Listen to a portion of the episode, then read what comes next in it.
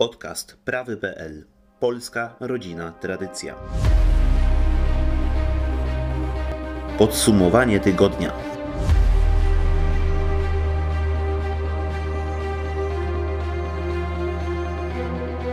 Prowadzi Dominik Cwikła. Dzień dobry, szczęść Boże. Dominik Cwikła, podsumowanie tygodnia, podcast prawy.pl. Witam Państwa serdecznie. Dzisiaj będzie o globalnym traktacie pandemicznym. To są najnowsze doniesienia. Mało się o tym mówi w ogóle w mediach na chwilę obecną, jak, jak zauważyłem.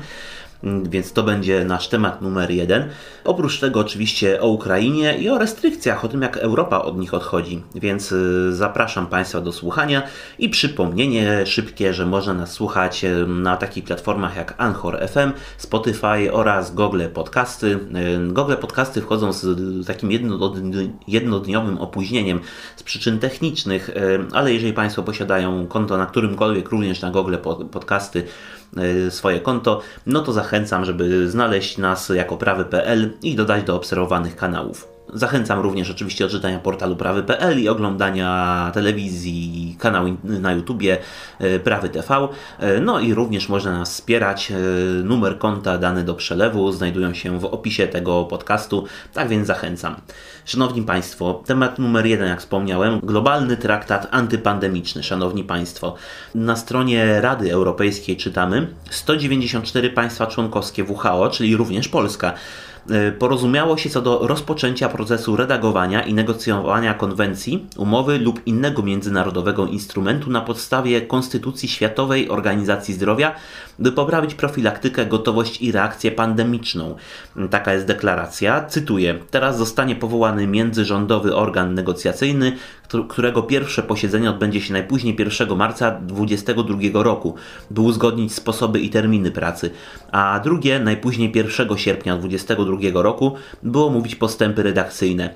Następnie podczas 76. sesji Światowego Zgromadzenia Zdrowia w 2023 roku przedstawi on sprawozdanie z postępów prac tak, by instrument można było przyjąć do 2024 roku. Koniec cytatu. Szanowni Państwo, to jest zapowiedź jakiego pewien, no, no, po prostu pewnej umowy międzynarodowej, która y, za chwilkę jeszcze tutaj podam cytaty o tym, o tym świadczące, ale która tak naprawdę utworzy nam takie globalne Ministerstwo Zdrowia, y, którym będzie WHO. A to z kolei wskazuje, że niestety, ale może nie na jesieni przyszłego roku, ale właśnie na ten 24 czy 25 rok możemy spodziewać się ogłoszenia kolejnej jakiejś światowej pandemii, która niestety będzie dla nas gorsza, jeśli chodzi o te restrykcje i działalność rządów przeciwko społeczeństwu, niż obecna. W tej deklaracji podają się takie yy, hasła jak pandemia COVID-19 to problem globalny i żaden rząd ani żadna instytucja nie są w stanie samodzielnie stawić czoła przyszłym pandemiom. To jest taka groźba, zapowiedź, ale też zaklinanie rzeczywistości, bo to wszystko jest przedstawione w tym duchu, że to nie rządy wywróciły nam świat do góry nogami. Nie rząd polski, w Rzymie, w Wiedniu, w Paryżu. Nie, to pandemia to zrobiła. Cały czas jest ta narracja e, przedstawiana i tego się trzymają, i na tej podstawie jest ten traktat antypandemiczny yy, tworzony. Cytuję. Konwencja, umowa lub inny międzynarodowy instrument byłby prawnie wiążącym aktem prawa międzynarodowego. Umowa o profilaktyce gotowości i reakcji pandemicznej przyjęta w ramach WHO pozwoliłaby państwom na całym świecie wzmocnić zdolności krajowe, regionalne i globalne oraz zwiększyć odporność na przyszłe pandemie. Koniec cytatu. No właśnie to jest tutaj to bardzo istotne, tak, że to byłby prawnie wiążący akt prawa międzynarodowego. Czyli jak to, czyli jak to przyjmiemy, podpiszemy się pod tym jako państwo, to to będzie u nas wdrożone. Później w tym dokumencie na stronie Rady Europejskiej yy, zachęcam, żeby w ogóle samemu sprawdzić, tak, europa.eu, znaleźć yy, traktat, traktat antypandemiczny i to samodzielnie zweryfikować, bo to się włosy jeży na głowie, gdy się o tym słucha. Ktoś może pomyśleć, że to jest teoria spiskowa. Nie, to jest oficjalny dokument, y, który jest, który znajduje informacje o nim, znajdują się na stronie Rady Europejskiej, no ponieważ Unia Europejska popiera też ten projekt. Y, cele, jakie się stawia, to wczesne wykrywanie pandemii, profilaktykę pandemiczną, odporność na przyszłe pandemie, reagowanie na przyszłe pandemie, w szczególności poprzez zapewnienie powszechnego i równego dostępu do rozwiązań medycznych, takich jak szczepionki, leki i diagnostyka, silniejsze międzynarodowe ramy zdrowotne, w których WHO działałyby jako organ koordynujący globalne kwestie zdrowotne oraz podejście jedno zdrowie, obejmujące zdrowie ludzi, zwierząt i całą planetę. No i tutaj proszę Państwa pojawia się właśnie te specjalne uprawnienia dla WHO, tak? które w trakcie pandemii by działały jako organ koordynujący y, globalne kwestie zdrowotne, czyli byłoby globalnym Ministerstwem Zdrowia na czas pandemii otrzymywałyby jakieś specjalne uprawnienia, wszyscy musieliby ich słuchać, no ale kto ogłasza tę pandemię? WHO. Czyli traktat przewiduje, że pewna instytucja może nadać sobie sama tak naprawdę na okres, jaki sama sobie ustali za właściwy, dodatkowe uprawnienia i de facto rządzenie y, polityką wielu państw, no większości państw świata. Druga rzecz, która zastanawia, to te podejście jedno zdrowie, które obejmuje zdrowie ludzi, zwierząt i całą planetę. Martwi mnie to, że tutaj z jednej strony się zrównuje kwestie ludzi i zwierząt, no bo zwierzęta nie są ludźmi, nie są nam równe, są niżej w hierarchii, to po pierwsze. A po drugie zastanawiam się tak w kwestii, kwestii gospodarczej, czy na przykład, no pamiętamy, była kwestia z chociażby usypianiem norek, prawda? no bo tam wykryto u jednej koronawirusa. No i tam wiem, że hodowcy próbowali się o to sądzić. Czy nie jest tak, że to jest takie zabezpieczenie na przyszłość, że rządy czy WHO właśnie wyda nakaz, żeby jakieś zwierzęta uśpić i nie będzie za to żadnego odszkodowania? Nie można wykluczyć takiego scenariusza, szanowni państwo. Jeśli chodzi jeszcze o te założenia e, traktatu, no to cytuję kolejny fragment. Traktat zwiększyłby przejrzystość, rozliczalność i współodpowiedzialność w międzynarodowym systemie. Ponadto przygotowałby grunt pod lepszą komunikację i lepsze informowanie obywateli. Przekazywanie błędnych informacji podważa zaufanie społeczne i może też osłabić reakcję na zagrożenia dla zdrowia publicznego. Aby odzyskać zaufanie obywateli, należy przewidzieć konkretne kroki, by usprawnić przepływ wiarygodnych, dokładnych informacji, a także globalnie dział- przeciwdziałać dezinformacji. Koniec cytatu. Szanowni Państwo, ładne hasła, tylko nie niestety już się nauczyliśmy, że w trakcie tej tak zwanej pandemii dezinformacją nazywa się wszystko to, co jest niezgodne z oficjalną narracją na temat pandemii. Dotyczy to zarówno opinii, takich jak na przykład ocena, że wcale nie, że, że podane dane wcale nie świadczą o apokalipsie, czy przedstawianie właśnie w innym kontekście jak najbardziej danych podawanych czy to przez WHO, czy przez rządy. Tego typu teksty są uważane za dezinformację, to jest oczywiście manipulacją i kłamstwem. Niemniej jednak walczy się z tym pod hasłem walki z dezinformacją. E, więc ten traktat przewiduje, że po prostu będzie taki globalny mechanizm e, walki z niezależnym przepływem informacji, tak żeby nikt nie popełnił myśl o zbrodni, tak, że można o ogłoszonej pandemii myśleć inaczej niż to podaje rząd czy jakieś globalne instytucje. No taki jest niestety plan tutaj przedstawiony. Temat trakta y, globalnego traktatu antypandemicznego zamykam w ten sposób. Mówię, odsyłam do strony europa.eu, oficjalna strona y, Rady Europejskiej. Tam można wszystkie założenia sobie przeczytać, samodzielnie ocenić te, ten temat. Y, mamy temat restrykcji i szanowni Państwo, kwestia jest taka, że no teraz takie rozluźnienie, jeszcze później o tym będę mówił, ale no generalnie jest założenie, że pandemia się kończy, już nie będzie jej więcej, no ten traktat temu trochę zaprzecza, ten plan tego traktatu, no ale jednak jest takie podejście. Tymczasem jest pewien sygnał, moim zdaniem istotny, wskazujący, że na jesieni być może znów powrócą restrykcje pod hasłem pandemii, czy tam tej endemii, jak to tam będą nazywali. Chodzi o to, że firma farmaceutyczna Johnson Johnson zawiesiła produkcję swojej, swojego preparatu e, na COVID-19 i o tym się wszyscy dowiedzieli od dziennikarzy, bo tego koncern jakoś szczególnie nie ogłaszał. Oni to produkują w jednym zakładzie w Leiden w Holandii. The New York Times sprawę opisał e, i jak podają media, najpewniej zawieszenie produkcji jest tymczasowe w związku z tym, jeżeli to jest tymczasowe, no to znaczy, że produkcja ruszy znowu. E, pytanie, czy oni zakładają, że po prostu ludzie sami będą chcieli przejmować kolejne dawki preparatu, czy jednak będzie znowu próba przymusu do szprycowania. E, nie można wykluczyć, że jednak to drugie będzie miało miejsce. Zobaczymy, co, co przyniesie przyszłość. Teraz stricte temat polski. E, zakaz handlu w niedzielę. E, rząd postanowił uszczelni, uszczelnić e, swoją no, dziurawą ustawę, niezależnie od tego, co kto sądzi o zakazie handlu w niedzielę. Ja sam jestem przeciwny temu zakazowi, ale tym się tutaj nie zajmujemy. Zajmujemy się samą ustawą, która jest obiektywnie pełna dziur, co zresztą widać, bo już kilka razy była uszczelniana i znowu nastąpiło uszczelnienie, szanowni państwo. Mianowicie, że aby sklep mógł być otwarty w niedzielę jako placówka pocztowa, to musi 30, bodajże 40% dochodu czy przychodu osiągać, no to jest taka bariera już nie do przebicia. No wiadomo, że to nie jest główna, główna działalność sklepów, tak, usługi pocztowe czy kurierskie, E, no i mieliśmy pierwszy weekend, który pokazał, jak to w praktyce działa. No szanowni Państwo, fikołki się działy niesamowite.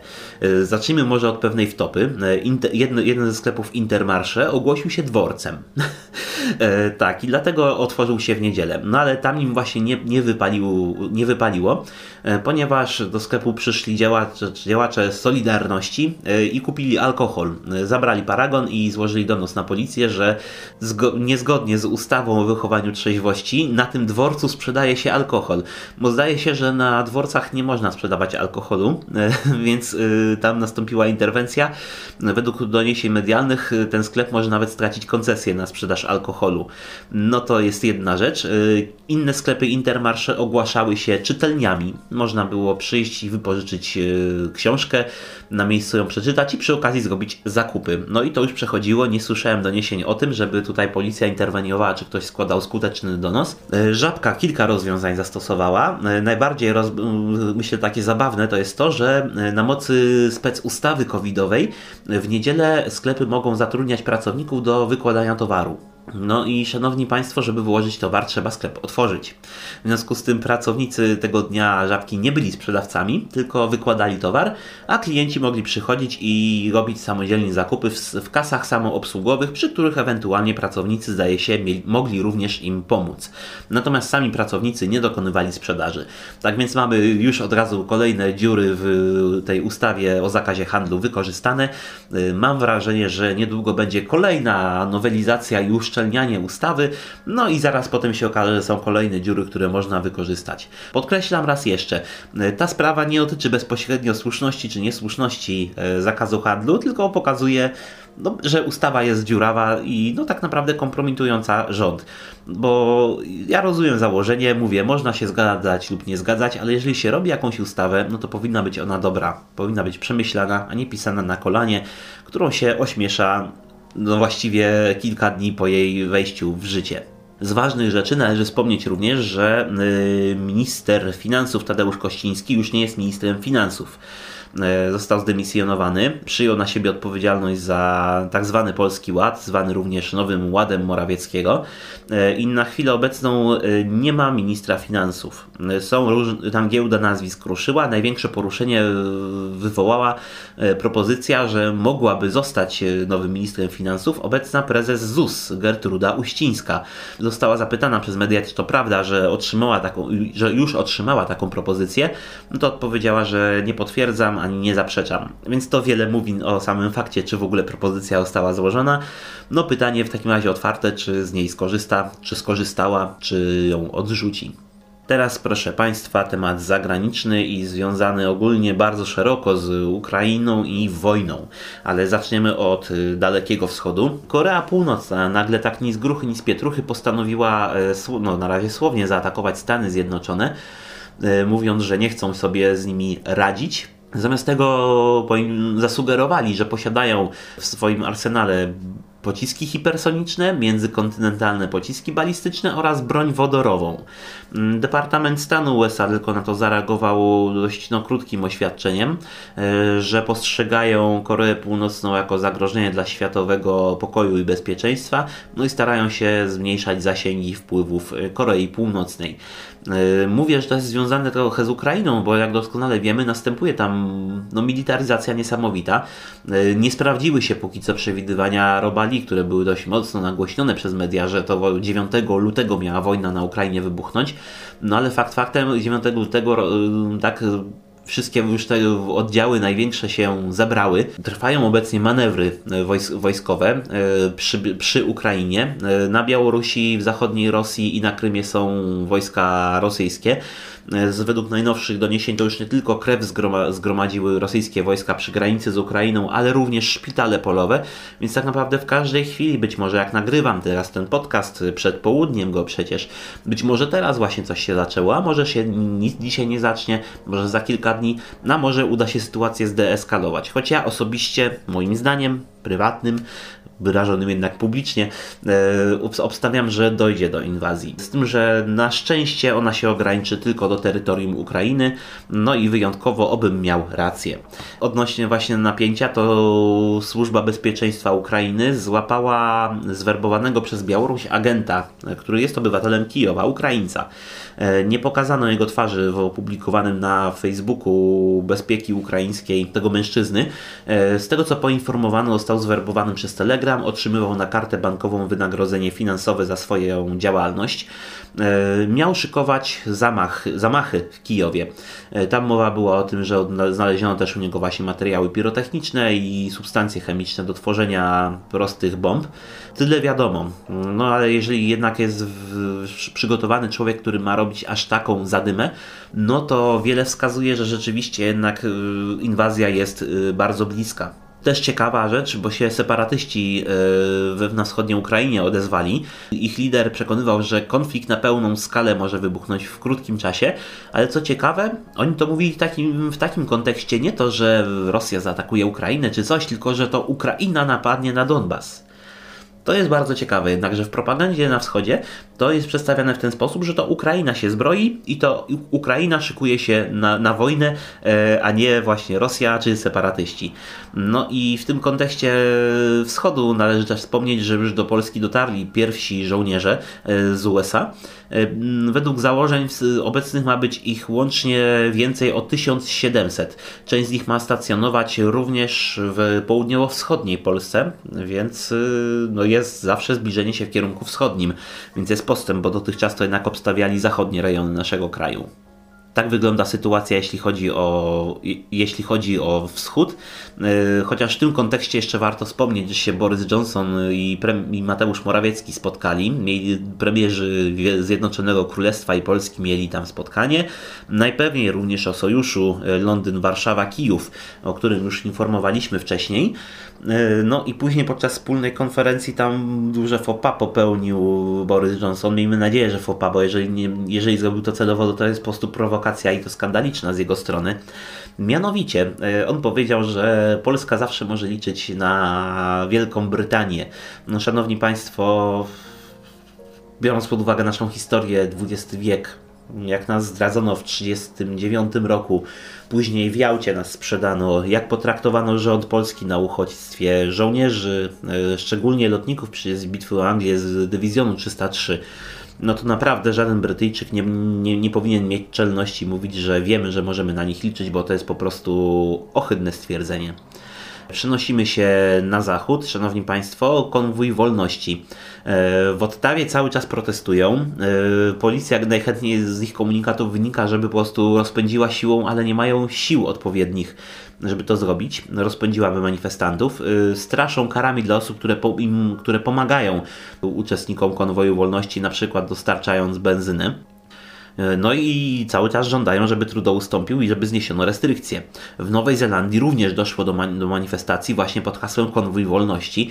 Tłum wielki na ulicach, na ulicach miast się poja poja pojawił i w Paryżu ma być lada moment. E, od wczoraj już pierwsze grupy zjeżdżają, dzisiaj kolejne, mm, a jutro ma się odbyć właśnie oficjalnie manifestacja pod hasłem konwój wolności. E, władze, władze Paryża zakazały organizowania manifestacji, przepraszam, policja paryska zakazała organizowania protestów, straszy karami takimi jak pozbawienie wolności, wstrzymanie prawa jazdy oraz y, grzywny 4,5 tysiąca euro. Proszę Państwa, na chwilę obecną to jest ponad 20 tysięcy złotych. No ale z tego co widziałem, to za bardzo się tym y, manifestanci nie przyjęli i zmierzają mimo tego do Paryża. Zobaczymy jak to pójdzie już, już, już jutro. Yy, no bo jutro ma być manifestacja, zobaczymy jak to, jak to przebiegnie, ale raczej nie będzie, nie będzie pokojowo, bynajmniej nie, nie przez manifestantów, ale przez policję. Jak wiemy, w czasach wielkiej histerii, policja w państwach demokratycznych jest niezwykle brutalna i agresywna. Yy, a żeby było ciekawiej, to się pojawiły komunikaty, że na wiosnę część restrykcji we Francji ma być zniesionych. Podobnie we Włoszech, proszę Państwa. Ostatnio Madera zniosła restrykcje i to jest o tyle zabawne, że w dniu, w którym te restrykcje zniesiono, to miały obowiązywać wzmocnione restrykcje. Na chwilę obecną, żeby pojechać na Maderę, nie trzeba mieć y, paszportu covidowego, y, nie trzeba wykazywać negatywnego wyniku testu na koronawirusa, trzeba tylko tam wypełnić odpowiedni formularz, jeżeli ma się więcej niż 11 lat. Więc dlaczego, skąd taka nagła zmiana, to nie wiadomo. No i Szwecja również znosi wszystkie y, obostrzenia. Oni tam wyliczyli, że 2 miliardy euro, ponad 2 miliardy euro, to oni wydali tylko na same testy w czasie wielkiej histerii. Y, Szwecja nie jest jakoś szczególnie ludna. Tutaj warto się zastanowić, jak wygląda skala wydatków na testy i w ogóle na wielką histerię. Jeżeli chodzi o kraj, no przede wszystkim o nasz kraj, o Polskę, ile my zmarnowaliśmy pieniędzy na ten, na, na ten cel, ile w skali globalnej się zmarnowało, co można byłoby za to sfinansować, zakupić. Naprawdę wielkie możliwości.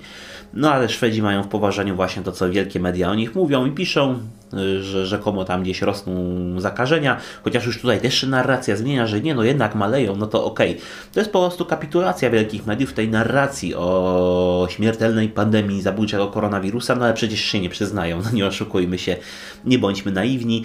Nikt nam nie powie, że słuchajcie, wielka histeria była jednak błędem. Nie, to jest tak jak przy tym pierwszym temacie, o którym mówiliśmy, globalnym traktacie antypandemicznym.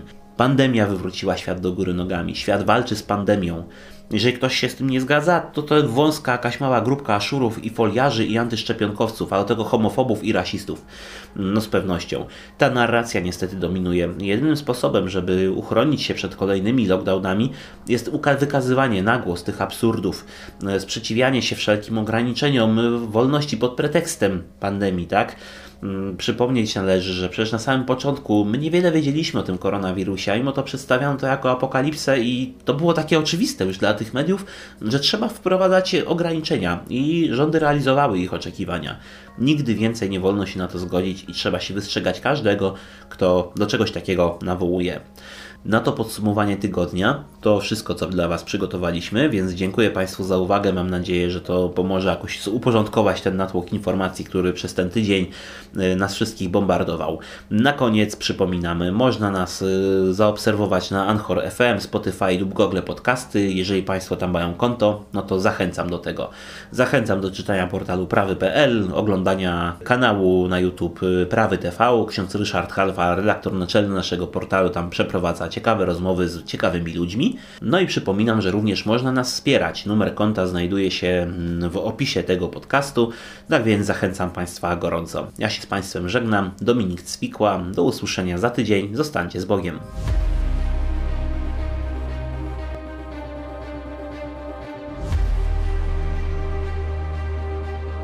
Podcast prawy.pl Polska rodzina tradycja.